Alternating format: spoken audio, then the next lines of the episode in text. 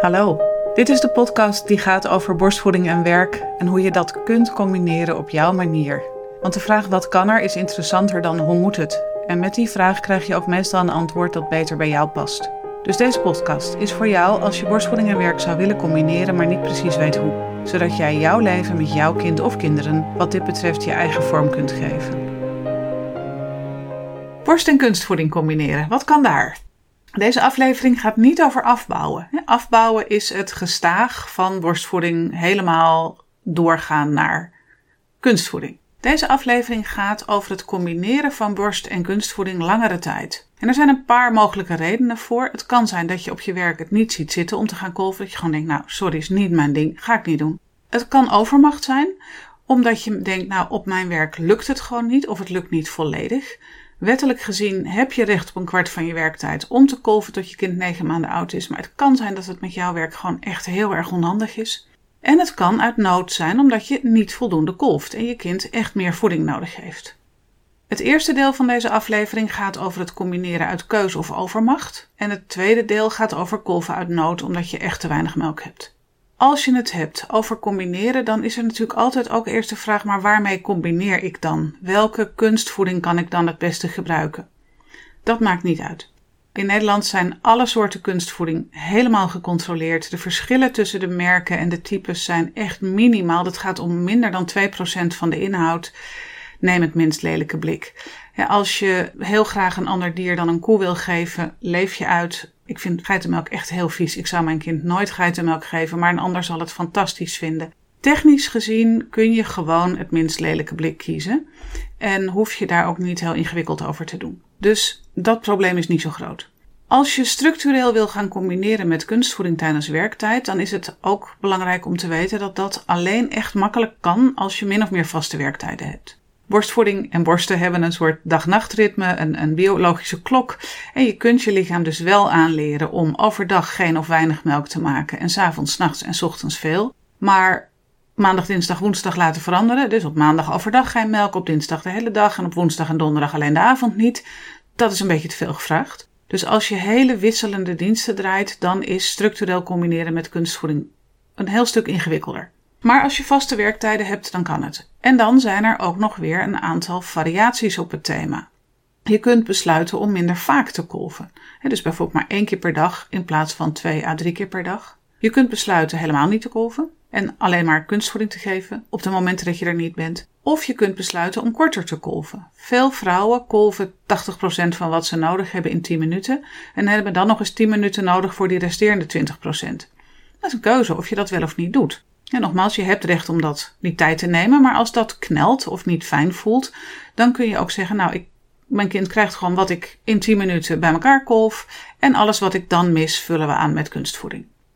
Zeker als je dagvoedingen echt af wil bouwen, dan is het belangrijk om die overgang geleidelijk te maken als je het langere tijd vol wilt houden.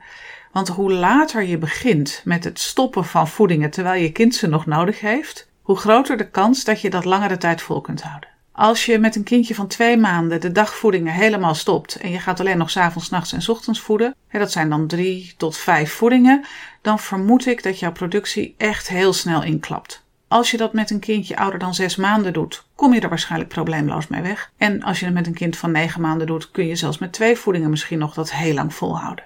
Dus hoe later je begint, hoe groter de kans dat je het zo lang vol kunt houden als jij het wilt. En hoe beter je basis is, hoe groter de kans dat je het vol kan houden. Dus hoe makkelijker borstvoeding gaat, hoe beter je melkproductie is, hoe groter de kans dat je het langere tijd vol kan houden. Let daarbij wel even op. Als je van plan bent om de dagvoedingen af te bouwen, ga dan niet de laatste weken voor je gaat werken als een bezetene overdag extra kolven.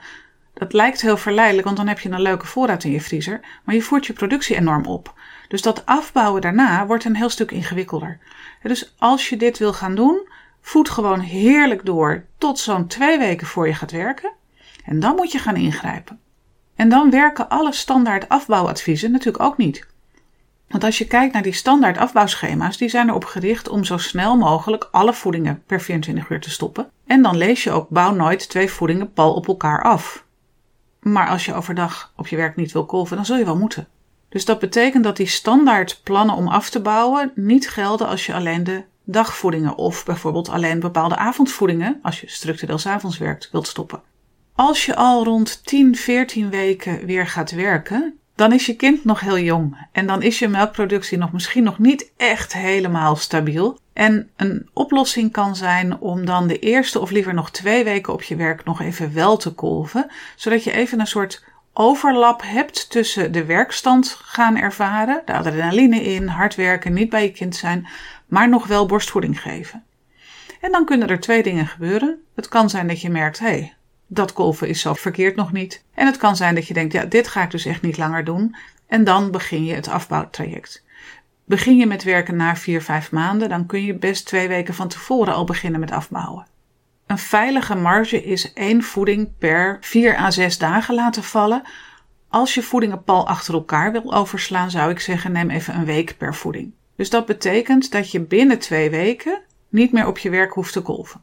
In de eerste week dat je begint met afbouwen, sla je één voeding over. Stel je voor dat je exact om de drie uur voedt. Ik hoop van harte dat je dat niet doet, maar voor het praat wat makkelijker als we het zo benaderen. Stel je voor dat je om 9 uur, om 12 uur, om 3 uur en om 6 uur voedt. En dat betekent dat jij op je werk die van 9 uur, van 12 uur en van 3 uur niet wilt geven.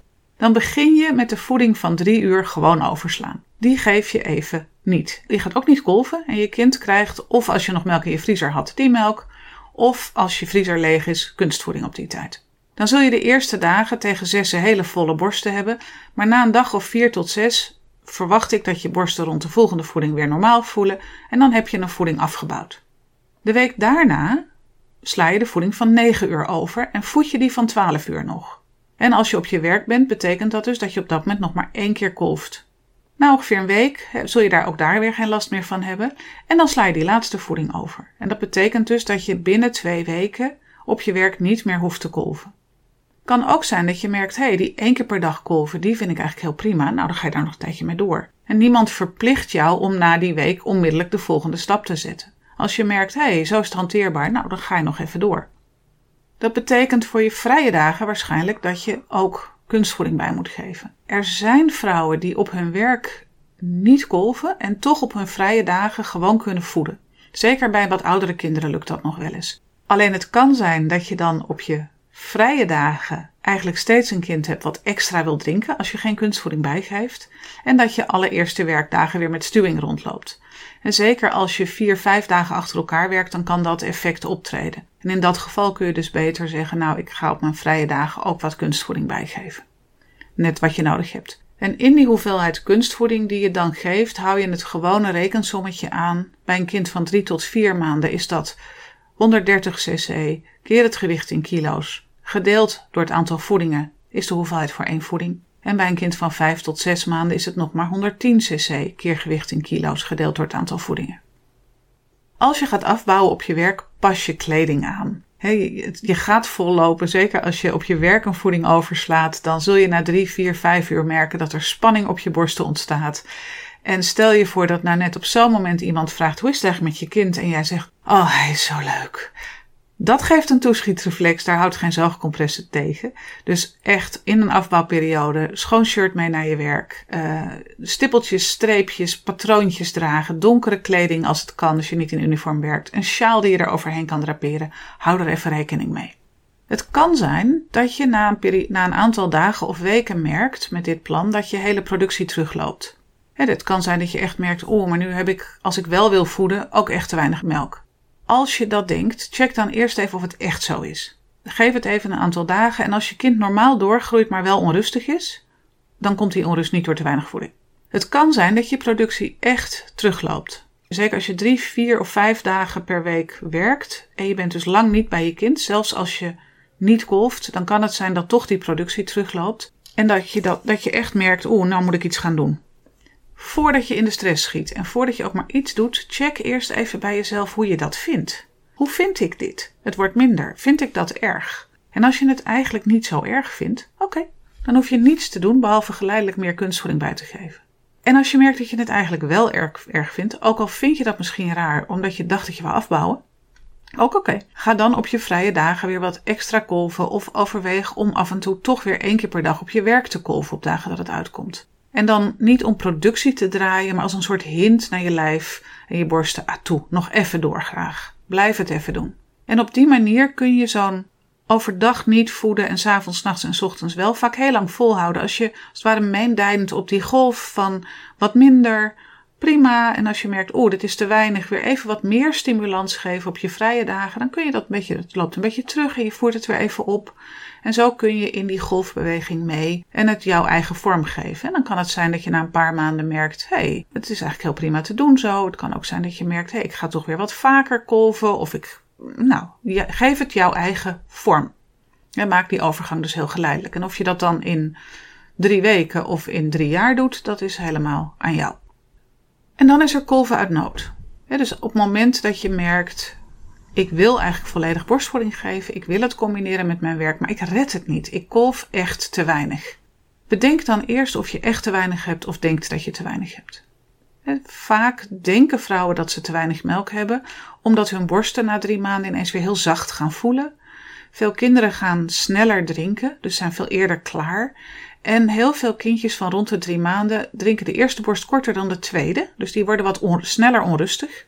En je kolft vaak minder dan op de pakken kunstvoeding staat. En in de praktijk ook vaak minder dan een kinderopvang zal zeggen dat je kind nodig heeft. Als je kind goed groeit, dan heb je genoeg melk. Ook als jij minder kolft dan het pak kunstvoeding of het kinderdagverblijf zegt dat je kind nodig heeft.